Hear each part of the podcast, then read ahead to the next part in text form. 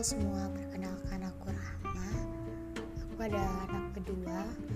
Mungkin ini adalah podcast ala-ala aja dari aku. Dan kalau misalkan ada yang bermanfaat untuk kalian, alhamdulillah. Ambil baiknya dan buang buruknya. Selamat menyaksikan.